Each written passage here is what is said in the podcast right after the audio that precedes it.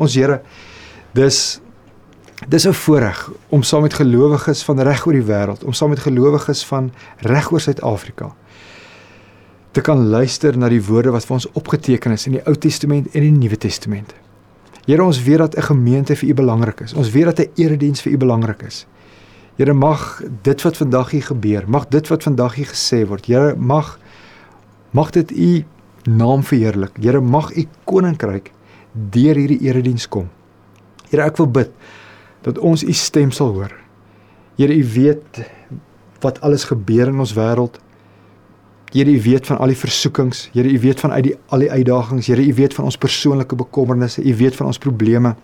Here, U weet van die wat die goeters is wat ons wakker hou. Here, mag mag ons U wil vir ons lewe onderskei. Here, mag ons vandag hoor wat ons vir hierdie week, vir hierdie maand, vir hierdie seisoen van ons lewe moet hoor. Here, U is ons God. U is die een wat met ons wil kommunikeer. U is die een wat met ons wil praat.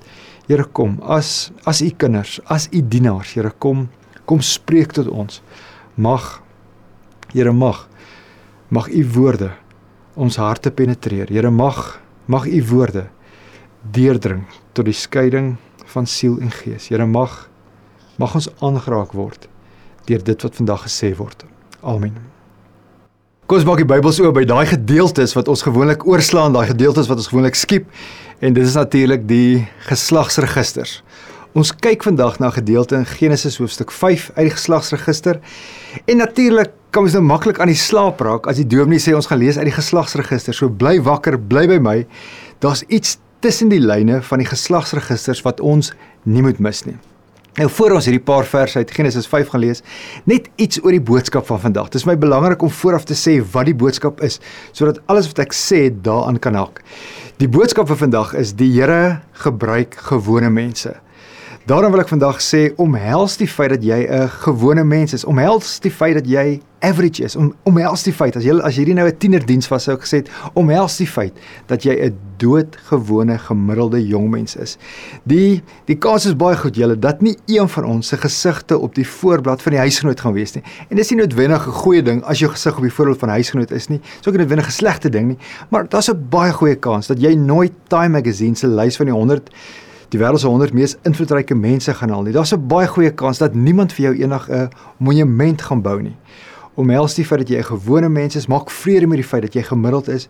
Die Here God, die God wat lief is vir elkeen van ons, hy gebruik doodgewone mense. So kom ons gaan lees hierdie doodgewone gedeelte in Genesis hoofstuk 5.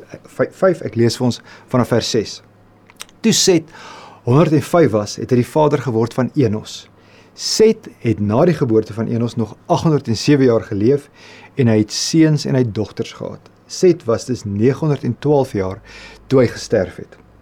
Toe Enos 90 was, het hy die vader geword van Kenan. Enos het na die geboorte van Kenan nog 815 jaar geleef en hy het seuns en hy dogters gehad. Enos was dus 905 jaar toe hy gesterf het. Hierdie gedeelte het so 'n lekker ritme wat herhaal. Toe Kenan 70 was, het hy die vader geword van Malel. Kenan het na die geboorte van Malel nog 840 jaar geleef en hy het seuns en hy dogters gehad. Kenan was dus 910 jaar toe hy gesterf het. Toe Malel 65 was, het hy die vader geword van Jered. Malel het na die geboorte van Jered nog 830 jaar geleef en hy het seuns en hy dogters gehad. Malel was dus 895 jaar toe hy gesterf het. Toe Jered 162 was, het hy die vader geword van Henog. Jered het na die geboorte van Henog nog 800 jaar geleef en hy het seuns en hy dogters gehad. Jered was dus 962 jaar toe hy gesterf het. So dis die dis 'n gedeelte van die geslagsregister hierso in Genesis hoofstuk 5. Ons lees hier van doodgewone mense. Ons lees hierso van mense wat soos ek en jy normale lewens gelei. Nie een van hulle was 'n geloofsheld nie. Nie een van hulle was 'n superwese nie. Ek het 'n 2-jarige en 'n 4-jarige, al albei seentjies. Hulle is in hierdie superhero fase. Hulle twee is mal oor Spider-Man en hulle hou baie van Superman. Nie een van die mense van wie ons in die geslagsregister lees was 'n was 'n superhero nie. Dis mense wat gebore is. Dis mense wat geleef het. Dis mense wat kinders gekry het. Dis mense wat gesterf het gewone gewone mense soos ek en jy. Die Here God gebruik gewone mense. Ons kan natuurlik. Dis maklik om die Bybel te vat en dis maklik om verby die geslagsregisters te blaai. As jy na 'n boek soos 1 Kronieke toe gaan, sal jy sien daarso is lyste en lyste en lyste name. Dis maklik om dit te skiep. Dis maklik om via of deur ons westerse bril na die geslagsregisters te kyk en dan kan ons dit uitmekaar uitskeer omdat dit nie voldoen aan ons maatstawwe van akkuraatheid nie. Ons kan dit doen, maar as ons dit gaan doen, gaan ons die punt mis. Vir die antieke mens was die geslagsregisters in die Bybel 'n bron van inspirasie. Nou, hoekom het hulle dit geïnspireer? Hulle sou daarna gekyk het en hulle sou gesê het die Here God sien gewone mense raak. Die Here God sien gewone kinders raak. Dit sou vir die antieke mens iets gesê het soos ek ek maak saam vir God. Ook ook my naam, ook ek as 'n gewone mens se naam is in die handpalms van God gegraveer. Die Die Bybelstorie, die storie van die mensdom begin in 'n sekere sin by Abraham in Genesis hoofstuk 12. Die Here God wil 'n groep mense rondom Abraham groepeer. Hy wil 'n groep mense rondom Abraham versamel sodat hierdie groep 'n seën kan wees vir alle volke en vir alle nasies. En baie van hierdie hierdie mense van van die Israel stam gaan en hulle doen dit en hulle gaan en hulle gaan seën ander mense. Nou is die vraag, hoe erken ons hulle? Hoe bewys ons 'n bietjie eer aan hulle?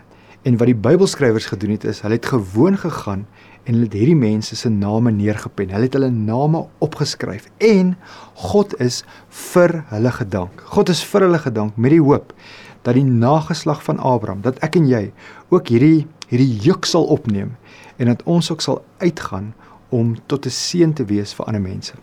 So die geslagsregisters was ook 'n bron van hoop hoop dat dit nie net die ryk is en dat dit nie net die konings is, dat dit nie net die maghebbers is wat belangrik is nie. Hoop dat ook gewone mense, dat die man op straat, dat Jan Allerman en dat die vrouens, die gewone vrouens, dat hulle ook deel kan wees van God se storie, dat hulle ook deel kan wees van 'n storie wat groter as hulle is. Nou ek wil nou so 'n bietjie ratte verwissel en ek wil iets sê oor die tyd waarin ons leef. Niemand van ons het gekies wanneer ons gebore is nie. Ons leef hierso in die 21ste eeu. In die 21ste eeu word elkeen van ons, ek en jy word basies deur die media gekondisioneer om te sê die lewe lê in die buitengewone. Ons word deur die media gekondisioneer. Ons word eintlik in 'n in 'n sekere mate gebreinspoel om te sê die lewe lê nie in die gewone nie. As jy kyk wat in die media aangaan, as jy kyk wat op YouTube geplaas word, as jy kyk wat op Showmax en Netflix en op op gewoon op enige webblad is, dan kom jy baie vinnig agter dit gaan gewoonlik net oor buitengewone goed. As jy na enige nuusberig kyk, dan gaan dit gewoonlik oor buitengewone gebeure. As jy na SuperSport se webblad toe gaan, dan gaan dit oor buitengewone prestasies deur buitengewone sportmense en sportvroue. Ons ons weet wat die rolprentsterre eet. Ons weet wie hulle date. Ons weet wat in die persoonlike lewe van die wêreldleiers aan die gang is. En die feit dat ons hierdie hierdie liefde het, die feit dat ons oor 'n spits as ons van buitengewone goed hoor, maak dat ons nie meer 'n aptyd het vir die gewone nie. Dit maak dat ons nie meer 'n aptyd het vir die alledaagse nie. En ons glo, dis iets wat amper onbewuslik gebeur. Ons glo die lewe lê in die buitengewone. Die lewe lê in 'n buitengewone beroep. Die lewe lê in 'n buitengewone vakansie. Die lewe lê in 'n buitengewone konsert of die lewe lê in 'n buitengewone fliek. En iets van ons maak, iets van ons hunker daarna om weg te kom van die alledaagse. Want ons dink om net 'n gewone lewe te lei, om net 'n gewone huwelik te hê, om net 'n gewone kar te ry, om net in 'n gewone huis te bly, is nie die lewe nie. Ons glo die lewe lê in die buitengewone en daarom sê ons baie keer net vir onsself, maar die lewe kan nie kan nie te vind wees in die gewone in ons alledaagse partykeer bietjie vervelige bestaan nie.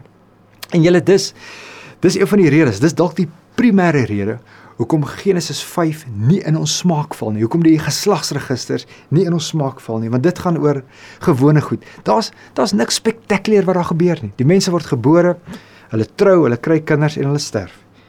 Maar dis dis juist die rede hoekom die geslagsregisters in die Bybel is. Dit wil iets vir ons leer en dis so belangrik dat ons dit in hierdie post postmoderne tyd hoor. Dit wil vir ons leer dat die lewe te vind is juis in die gewone. Die lewe is te vind in die alledaagse.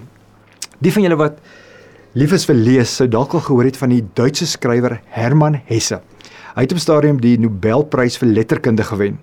Hy het 'n boek geskryf en die boek se naam is Das Glasperlenspiel. En in hierdie boek gaan dit oor 'n karakter. Die karakter se naam is Josef Knecht. Josef Knecht was 'n intelligente man wat in die provinsie Gastalia gebly het. Maar die interessante, dit was nou net 'n storie. Die interessante is in hierdie in hierdie provinsie in Gastalia was daar net 'n klomp hyperintelligente mense wat daar gebly het. En hulle het so tipe van 'n spel gespeel En wat hulle ook al gedoen het, dit het daaroor gegaan dat jou breinvernuf getoets kon word en dat jou breinvernuf verhoog kon word. Maar dit was nie 'n tronk nie. So Josef hulle kon van tyd tot tyd uit hierdie provinsie uitgaan en dan kon hulle met gewone mense meng.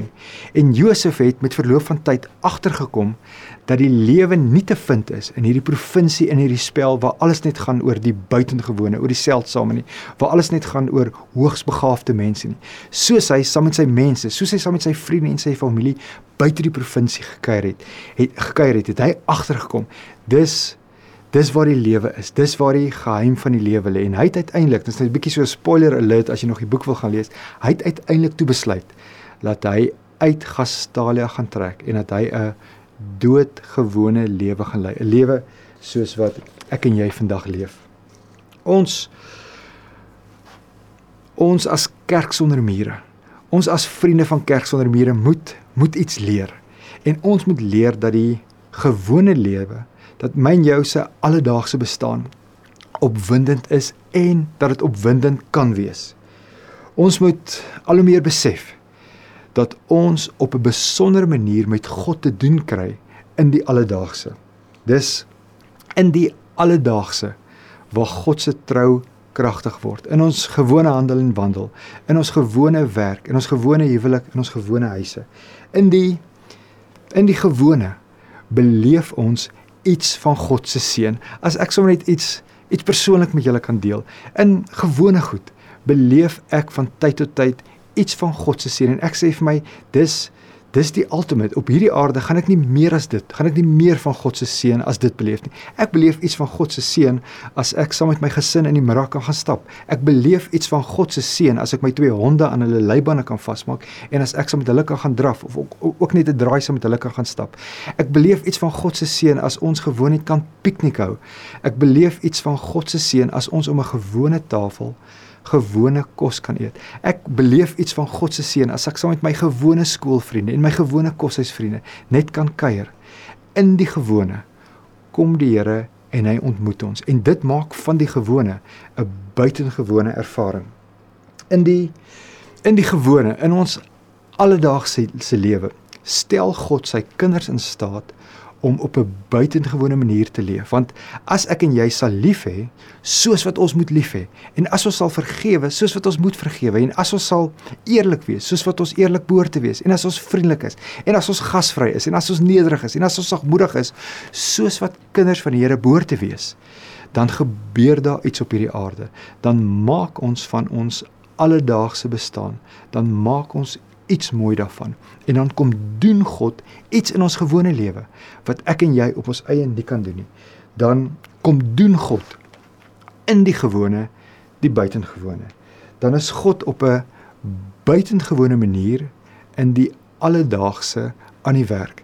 Dan is God se se buitengewone koninkryk besig om gestalte te kry in my en jou se doen en late. Die interessante van Jesus Christus is hy roep ons nooit uit hierdie wêreld uit nie. Hy stuur ons altyd in hierdie wêreld in. Soos die Vader my gestuur het, so stuur ek julle. Hy stuur ons in hierdie wêreld in om op 'n buitengewone manier te gaan leef. Want julle julle julle weet wat die wêreld aan ons verkondig. Dis basies net me, myself and I. As ek en jy doelbewus, as ons intentioneel gaan besluit om ander mense te dien. As ons gaan besluit ons gaan nie selfsugtig wees nie. As ons dit gaan doen, as ons daai besluit neem in ons alledaagse bestaan, dan leef ons op 'n buitengewone manier op hierdie aarde. Mag mag God ons in ons alledaagse vind en mag ons God in ons alledaagse gewone lewe vind. Ek wil sommer net afsluit met 'n met 'n teologiese iets. Dis 'n verhaal wat vir ons opgeteken is in meer as een van die evangelies. Ons lees onder andere daaroor ook in Lukas hoofstuk 9. Die opskrif daarso is die verheerliking op die berg. Nou dis 'n dis 'n interessante storie. Dis 'n buitengewone storie. Dis eintlik 'n seldsame iets wat hier gebeur. Jesus vat net 3 van sy apostels, 3 van sy disippels. Hy vat vir Petrus, hy vat vir Johannes en hy vat vir Jakobus en hy vat hulle op teen 'n hoë berg. En daar op die berg verander Jesus se gestalte. Nou, dit wat ek nou sê, dit klink bonatuurlik en en dis wat dit was. Sy gestalte verander en dan begin hulle 'n gesprek te voer met Moses en Elia. So dis 'n rare gebeurtenis. Dis 'n seldsame iets wat hier plaasvind. En Petrus is verbuisterd en hy wil hy skrik en hy's bang en hy wil hutte bou om om lank daar te bly. Maar dan op 'n stadium verander Jesus se voorkoms na dit wat dit voor die verheerliking op die berg was. En hulle stap af die berg en Jesus sê vir sy disippels, hy sê vir Petrus en hy sê vir Johannes en hy sê vir Jakobus, julle moet met niemand hieroor praat totdat God my uit die dood uit opgewek het nie. Nou wat wil ek hieroor sê? Dit was 'n buitengewone seldsame iets wat gebeur het. Julle dit was beskore vir drie mense, vir Petrus, Johannes en Jakobus. Hulle is die enigste mense wat dit gesien het. Hulle is die enigste mense wat dit beleef het. Daarso is duisende der duisende. Daarso is miljoene mense wat dit nie gesien het nie en ek en jy het dit ook nie gesien nie. En dis dis deel van ons Jesus lewe. Ek en jy gaan na alle waarskynlikheid nie so 'n ervaring het hê met die opgestane Jesus Christus nie. Ons moet tevrede wees met die feit dat ons gewone mense is. Ons moet tevrede wees met die feit dat ons nie hierdie super bonatuurlike ervarings op hierdie aarde gehad nie. gaan gaan hê nie. Hoekom nie? Want God is die God wat ons in die gewone ontmoet. Mag mag ek en jy in 2022 besef dat God gewone mense gebruik en mag ons tevrede wees. Mag ons tevrede wees met ons gewone lewe en mag ons uitgaan en mag ons op 'n buitengewone manier op hierdie aarde leef. Amen. Here ons God, U Here U is die een wat so lief is vir ons. Here, U is die een wat ons gemaak het. U is die een wat ons as mense gemaak het. En Here, U U weet baie van ons streef daarna. Ons het hoë ambisies om baie dinge te bereik, Here. U weet ons wil spesiaal wees. U weet ons wil uitstyg in watter kategorie ook al. Here, maar ek wil tog bid. As U kinders, as disippels van U, as getuies van U, as mense wat ander mense wil dien. Here, ek wil bid dat ons in 'n rigting sal beweeg waar ons sal tevrede wees met dit wie U ons gemaak het. Here mag ons mense wees wat die gewone lewe omhels. Maar Here meer as dit, mag ons in hierdie gewone lewe uitgaan en mag ons die Jesus lewe daar gaan leef. Here kom kom kom gee vir ons. Here kom gee vir ons U Heilige Gees. Here kom gee vir ons U krag. Here kom gee vir ons dit wat net U kan gee sodat ons in ons gewone lewe kan leef soos wat U wil hê ons moet leef. Here ons ons is lief vir U. Here, ons wil op hierdie aarde, ons wil in hierdie kort tydjie wat ons op hierdie aarde het. Here, wil ons U verheerlik. Dankie dat ons deel kan wees. Dankie dat ons deel kan neem aan dit wat U op hierdie aarde doen. Amen.